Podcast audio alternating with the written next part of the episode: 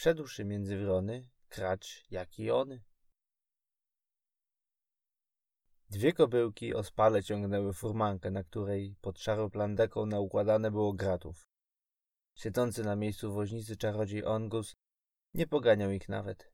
Nie śpieszyło mu się, poza tym był już prawie na miejscu, co poznał po wiejskich zabudowaniach oraz górującej nad nimi okrągłej wieży. Wyjechawszy z lasu, Ongus znalazł się nieopodal pierwszej z chatek, obielonych wapnem drewnianych ścianach i krytej strzechą. W takim stylu architektonicznym została wykonana zresztą większość budynków w siole. Na ławce pod płotkiem siedział dziadek w lnianym chłopskim odzieniu i drewniakach. Podpierał się laską, zupełnie jakby zaraz miał polecieć do przodu. Uśmiechał się lekko, spoglądając na przybyłego i mrużąc oczy przed zachodzącym nad lasem słońcem. Dzień dobry, rzekł uprzejmie Ongus. Dobry, odparł przyciągle dziadek. Jego wyraz twarzy odrobinę się zmienił. Czarodziej poznał w nim zdziwienie i zainteresowanie. Dobrżem trafił, wolszebniki to? Ano, odparł chłop. Wnieście tu miałem, wyjaśnił mak. W miejsce tego czarodzieja, co wcześniej u was mieszkał. A, to temu zacny nasz Roman, podobny zresztą szanownemu panu parę dni temu, swoją kibitkę spakowawszy był nas opuścił. Ongus uśmiechnął się, domyśliwszy się, że dziadek ma na myśli maga Roewana, wcześniej rezydującego we wsi Wolszebniki. Chłopi nie silili się na poprawną wymowę imion brzmiących dla nich obco. Witam tedy nowego sąsiada, dodał staruszek. Trzeba wam pewnie pomóc w rozpakunku, a? O, dam sam radę, machnął ręką Ongus, lekko zaniepokojony perspektywą wsparcia ze strony dziadka, który sam do poruszania się potrzebuje laski. No, gdzieś się będziesz pan już na samym początku frasował. Wnusiu! wrzasnął dziadek, odchylając się lekko głową ku swojej chałupce. Chodź no, pomożesz naszemu nowemu panu czarownikowi się wprowadzić. Z chaty wychynął dwudziestoparoletni mężczyzna w lnianej koszuli o zakasanych rękawach, prostych spodniach i zamszowych ciżmach. Wystające spod dość bujnej czupryny bystre oczy lustrowały otoczenie. Dobry, dostrzegł maga, który w odpowiedzi skinął mu głową. Tymonku, pomóżże panu czarownikowi, niech nie męczy się zanadto na samym początku. Staruszek poklepał wnuka po ramieniu, gdy ten stanął obok. Ondrus przesunął się, robiąc miejsce młodzieńcowi. Bez słowa poczekł aż wsiądzie, po czym cmoknął na kobyłki i ruszyli ku wieży.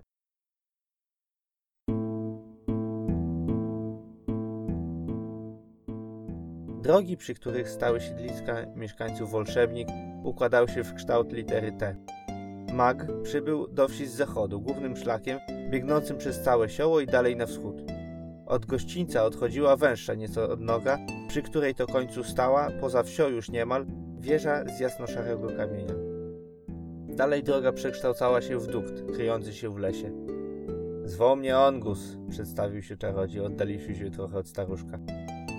Zgaduję, że tobie na imię Tymon, jak zdąży już objawić twój dziadek. Ano, zgodził się jego rozmówca. Poruszył się niespokojnie na swoim miejscu. Za przeproszeniem, stało się co panu naszemu wolszebnikowi, że musicie go zastępować? Nie, on go wzruszył ramionami. Tylko taka organizacja. Tymon skinął. Nie do końca rozumiał, ale tyle wystarczało. Dobrze się wam z nim żyło? Zagaił znów Ongus. Duże z nim były kłopoty? Właściwie powinien zapytać, czy Roewan nie miał kłopotów z chłopami, ale tak było grzeczniej. Poza tym, inaczej sami wieśniacy najpewniej nie przyznaliby się. E, przyzwoicie. Tymon machnął ręką. Czasem tylko pomóc nie chciał albo oczu naszych widokiem czarów ciekawych nacieszyć. Mówił, że zajęty. Znaczy, jakieś kłopoty były. On go spuścił lekko głowę, zadumał się. Ot, kolejna wioska, w której życie toczy się jak w każdej.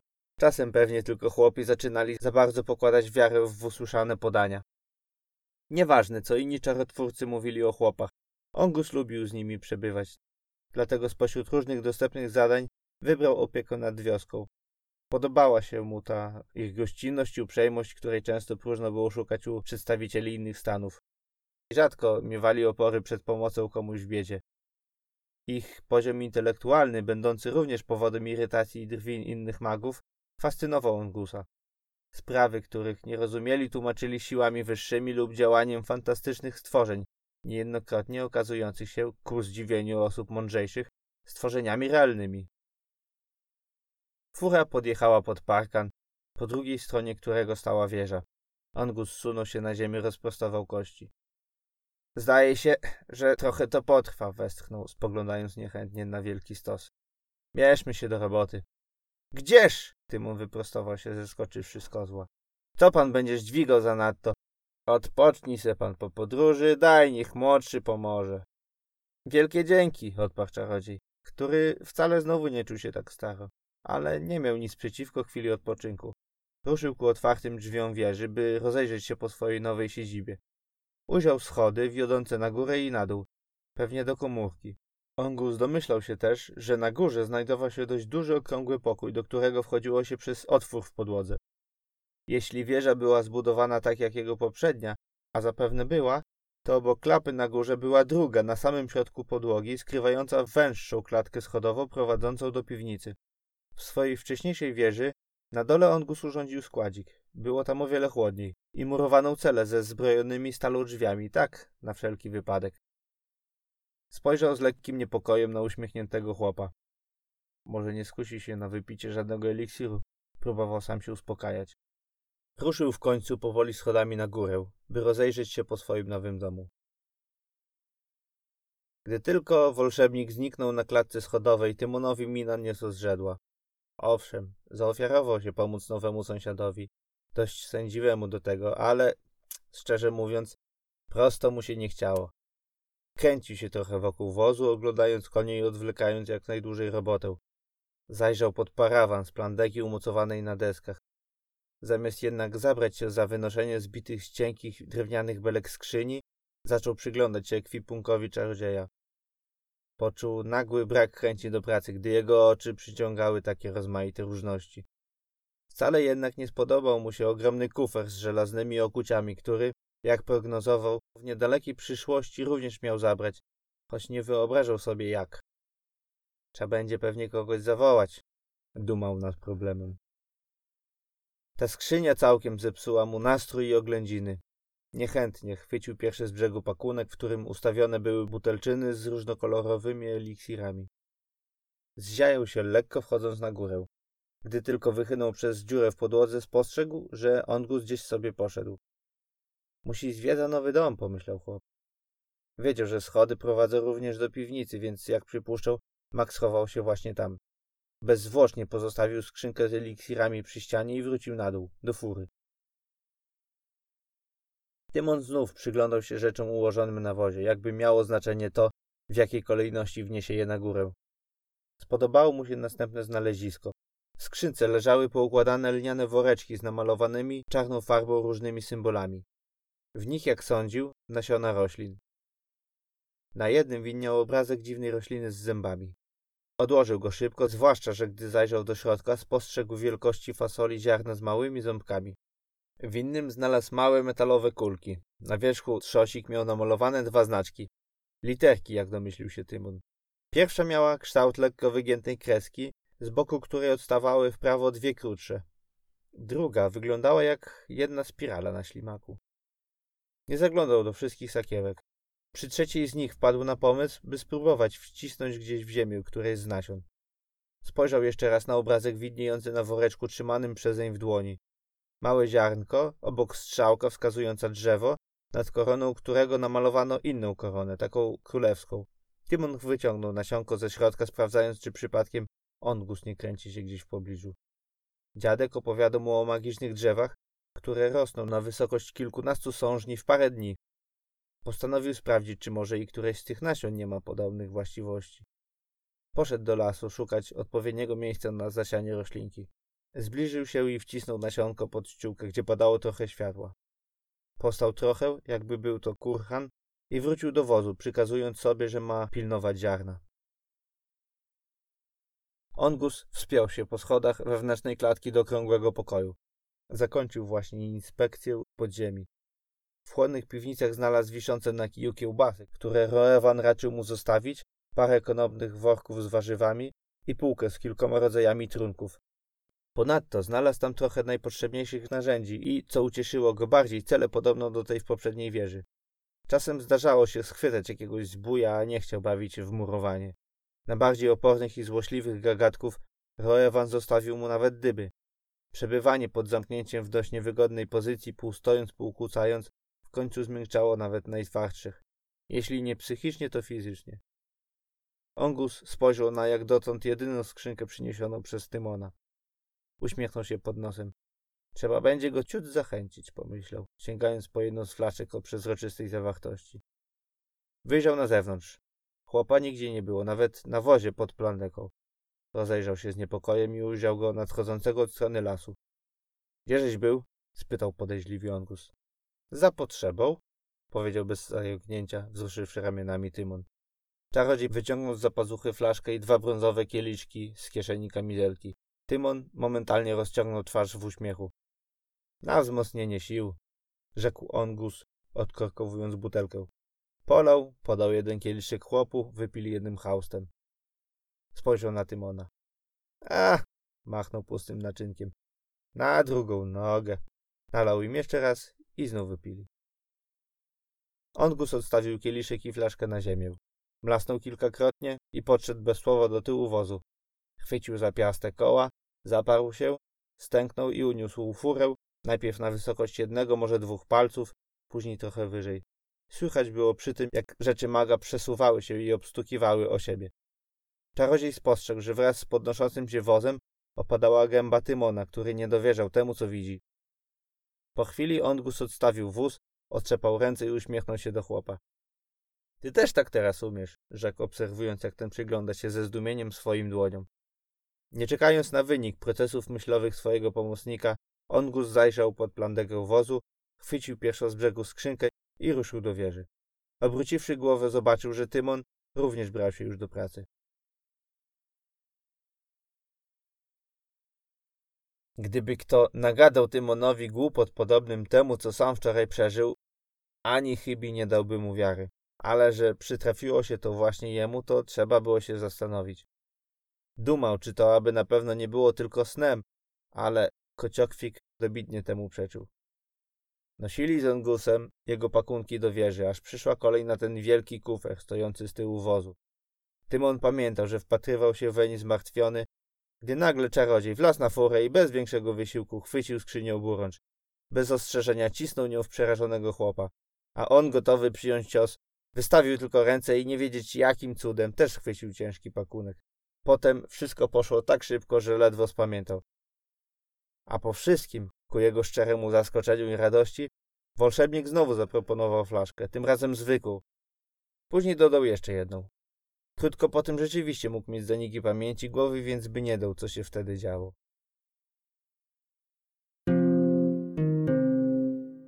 Tymon wyszedł przed dom i rozejrzał się.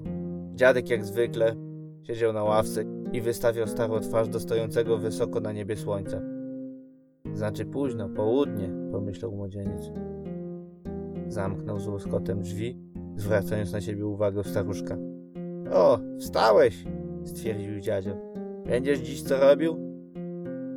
A ja wiem, odpocząłby człowiek po tym targaniu wczoraj. Dziadek uśmiechnął się pod nosem. Odpoczywaj, odparł. Obyś tylko jutro znów nie musiał, trzeba będzie królom trawę nakosić. Od dawien dawna staruszek Tymona cieszył się reputacją najlepszego hodowcy królików w całych wolszebnikach, a i dalej sięgała jego sława. Powiem ci, Tymonku, odezwał się znów staruszek. Widziałem się dwa dni nazad ze starym Stachem babiarzem z koło lesia. Popili my, ugadałem się z nim, że mi ładnego samca pożyczy.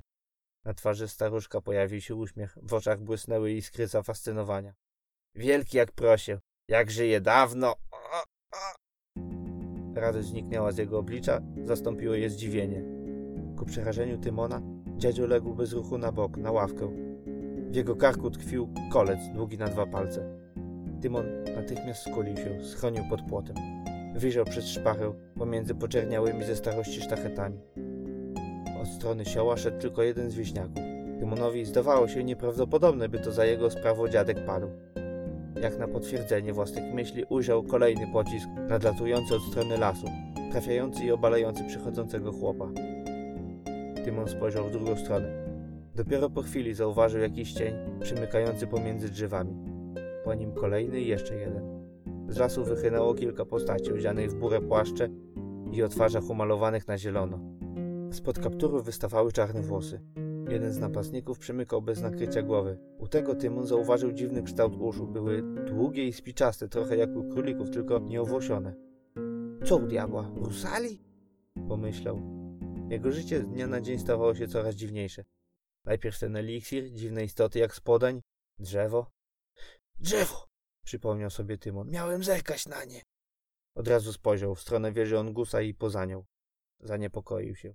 Ponad chatami zobaczył magiczną roślinę. Grubością pnia tylko trochę ustępującą szerokości ongusowego domu. Dookoła niej sterczały poprzechylane pod dziwnymi kątami zwykłe drzewa. Bez jakiegokolwiek konkretnego planu, zapomniawszy całkiem o dziadku, postanowił dobiec do magicznego tworu. Ruszył szybko, pochylony, mijając po drodze kilka bezwładnych ciał swoich krajan. Pod karczmą stojącą po drugiej stronie wioski przy głównej drodze padali kolejni. Z lasu skąpanego w półmroku wychodziło coraz więcej postaci. Był już tuż tuż, niedaleko drzewa, o dziwo nie trafiony przez żaden pocisk. Wtem poczuł mocne szarpnięcie, gdy ktoś pociągnął go za kamizelkę, obalił na ziemię i odciągnął na bok. Tymon chciał już ucieszyć się, rozpoznawszy Ongusa, ale od tego pomysłu odwiodło go spojrzenie na twarz wolszebnika. Do środka! waknął czarodziej, wskazując wieżę. Chłop posłusznie wykonał polecenie. Domyślał się, że mag wiedział już o drzewie. Nawet najgłupszy cap już by je zauważył, mieszkając w tak niewielkiej odległości. Nim spotka go kara ze strony Ongusa, Tymon miał nadzieję powiedzieć mu o rusałach biegających po wsi. Naprawdę, rzekł Ongus jakby znużonym tonem, gdy tylko znaleźli się na górze. Nie wiem, co sobie mogłeś wydumać, kradnąć coś z moich zapasów i używając tego.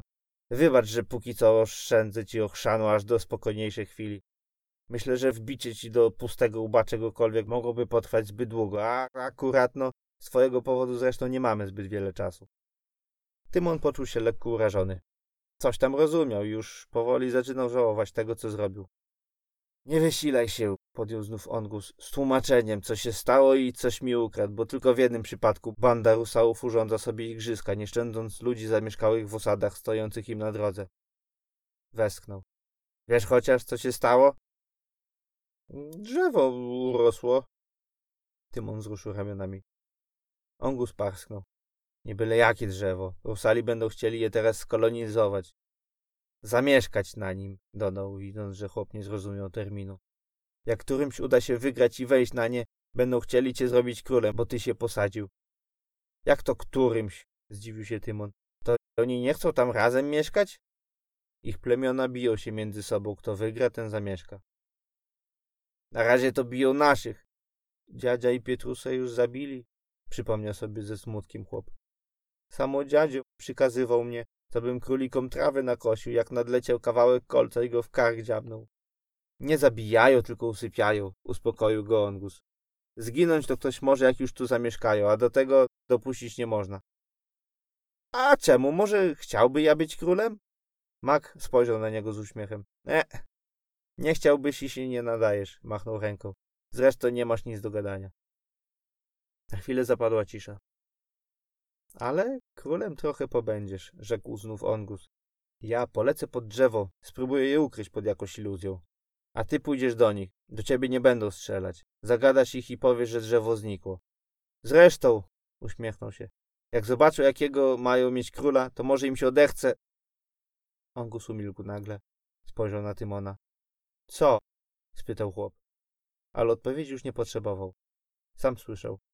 Ktoś wchodził po schodach wieży. Z tego, co słyszeli, nie była to jedna osoba.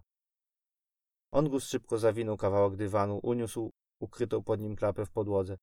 Żwawo, do środka! rzucił szeptem. Weszli. Mach zamknął ich tak, żeby nie było widać przejścia. Stanęli na samej górze i nasłuchiwali. Pusto, usłyszeli. Ongus zdziwił się, że Rusali rozmawiają po ludzku. Może przedstawiciele dwóch plemion o mocno różniących się dialektach postanowili mówić w bardziej znanym języku?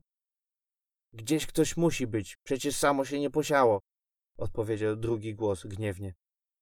Ucichło. Słychać było, jak chodzą po wieży. Do uszu ukrywających się docierał dźwięk kroków. W końcu zwinęli dywan. Ongu zrozumiał to, gdy smuga światła wpadła do klatki schodowej przez szparę między deskami. Stanął na najwyższym stopniu, przycupnął, przyłożył ręce do klapy. Widząc jego poczynania, Tymon również przysposobił się do wyskoku. Pomóż mi z tym, usłyszeli szept jednego z obcych. Ongus pomógł. Klapa odskoczyła z impetem. Suki! Jeden z rusałów zatoczył się do tyłu, trzymając się za nos. Tymon już wyminął towarzysza, rzucił się na tamtego, chwytając go za poły płaszcza. Mak spojrzał na drugiego przeciwnika, znieruchomiał, uniósł brew. Sergiej! zakrzyknął ze śmiechem. Ze sto razy jużem ci mówił, stary dziadu! odparł równie wesoło tamten. Matka mi dała Sergis! Padli sobie w objęcia. Tymon i drugi z napastników też ściskali sobie ramiona, choć w innych intencjach. Usłyszawszy okrzyki radości, znieruchomieli, spojrzeli na swoich towarzyszy. O proszę, i pyskata gęba Woltora w końcu dostała nauczkę, zwrócił się Angus do drugiego z rusałów. Odrzekł, puściwszy chłopa i chwyciwszy się za nos, z którego zaczęła kapać krew. Po chwilach radości i powitań starych znajomych, Ongus zrobił lekko zbolałą minę. Załamał ręce. Chłopcy, zlitujcie się, jęknął. Nie wyżynajcie mi całej wioski, dopiero co wczoraj się tu przeniósł. Jak się o tym dowie rada, od razu wywalą mnie na zbity pysk. Jeden z rusałów, Sergis, uniósł ze zdziwieniem brwi. To po coś nas wzywał? Trzeba było niesieć tego drzewa. Ech, stęknął mak. To nie ja. Nie żartuj. Okradli cię? Obruszył się Woltor. Ongus spuścił głowę, wolno obrócił wzrok na przysłuchującego się Tymona. O, byłbym zapomniał. Przedstawię wam waszego nowego króla, wskazał chłopa, udając radosne ożywienie. Rusali spojrzeli na Tymona. Skrzywili się. Że niby on? Zbuntował się znów Woltor. Przez złośliwość nam takiego wybrałeś? Sam się wybrał, mruknął Mak. I raczej nieświadomie. Przybysze stali w milczeniu, cmokając i kręcąc głowami z niezadowolenia. Jak sami widzicie, nie macie za dużo do stracenia, podjął znów Ongus. Pomóżcie mi zniszczyć to drzewo i ukryć całą sprawę. Jest tylko jeden problem, magu, odezwał się Woltor. Być może już zapomniałeś, że obaj jesteśmy z jednego plemienia, a po tym twoim siole biegają członkowie jeszcze jednego.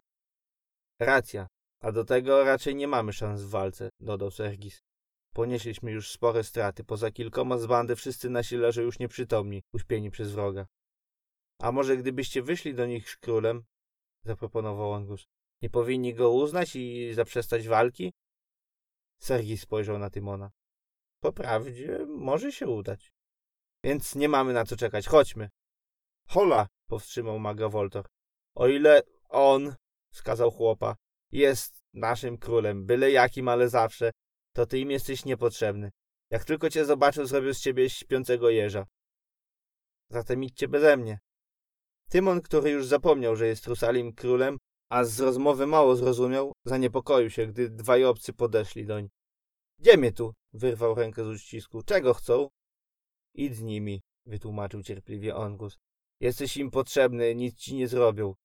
Potrzebny, a? zaoponował chłop. A co ja widły, czy instrument służebny?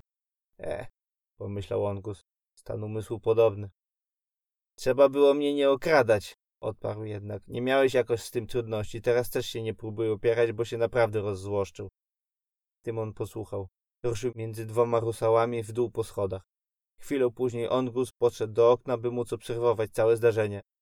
Wyszli we trzech na środek drogi, tuż za nimi ustawił się mocno przerzedzony oddział rusałów z plemienia Sergisa i Voltora. Mamy króla! Dobiegły maga słowa tego pierwszego, wypowiedziane w rusalim języku. Ongus dostrzegł, jak ze skraju lasu oraz ze wsi zaczęły podchodzić zakapturzone sylwetki. Dość nieśmiało, jakby uważając, czy nie jest to jakiś fortel przeciwnika. Kilku rusałów pojawiających się z naprzeciwka wyszło na środek drogi. Przez chwilę nic się nie działo, nikt nic nie mówił. Wtem wolszebnik zobaczył, jak ci przybyli nabijają broń strzałkami, przykładają do ust dmuchawki, wystrzeliwują. Powalili wszystkich, łącznie z Tymonem. Ongus zbiegł pędem po schodach, wypadł na zewnątrz, wprawiając obecnych tam w osłupienie. Och, nędznicy, bądźcie przeklęci! wykrzyknął swym najbardziej tragicznym głosem, również używając języka przybyszów i unosząc ręce. Jak śmialiście podnieść ręce na tego, którego chcieliście zwać swoim królem! Nie zasługujecie tedy na to ani żadne inne drzewo. Bądźcie wygnańcami godnymi co najwyżej deptać leśną ściółkę i karpy martwych drzew. Kilku już chciało uciszyć oskarżyciela, już przygotowywało broń do strzału, ale wygrała w nich niepewność, poczucie winy. Niczym trucizna zaczęła drążyć ich serca i myśli, a twarze zzieleniały jeszcze bardziej. Wystąpił jeden z nich. Skąd mieliśmy to wiedzieć? bronił się Rusał. Nie wyglądał na króla. Zostało wam to powiedziane, zagrzmiał Ongus. Byliście zbyt głupi, pyszni, czy po prostu głusi, by tego nie słyszeć. Jak możemy odpokutować występek? Czarodziej oskarżycielsko wskazał przybysza palcem. Pójść precz, nim król się zbudzi, by nie musiał was skazywać na śmierć. Oczy Rusała zabłyszczały od łez. Nie powiedział jednak nic. Dał znak swoim kamratom i zaczęli się wycofywać. Niechętnie i z niedowierzaniem, że się nie powiodło, ale wkrótce zniknęli. Został tylko mak pośród tłumu nieprzytomnych. Spojrzał na Tymona leżącego pośród rusałów. Udany z niego król, pomyślał z rozbawieniem. Właśnie poddani go nie chcieli, a do tego przez niego niechcący dopuścili się pogwałcenia ich prawa i tradycji. Ongus polubił go. I może głupio to przyznać, ale właśnie za tę kradzież. Który z chłopów miałby na tyle odwagi i ciekawości, żeby narazić się wolszewnikowi? Pomyślał o karze dla chłopa. Nie miał ochoty go gnębić, po prostu z czystej sympatii do niego. Dumał raczej o czymś łagodniejszym, o niespodziance wręcz. Uśmiechnął się pod nosem, gdy już padł na pomysł. Jakby ktoś mi tak zrobił, to na pewno byłaby kara, pomyślał. Wątpliwe, żeby i Tymon się ucieszył. Za to dziadzio będzie przeszczęśliwy.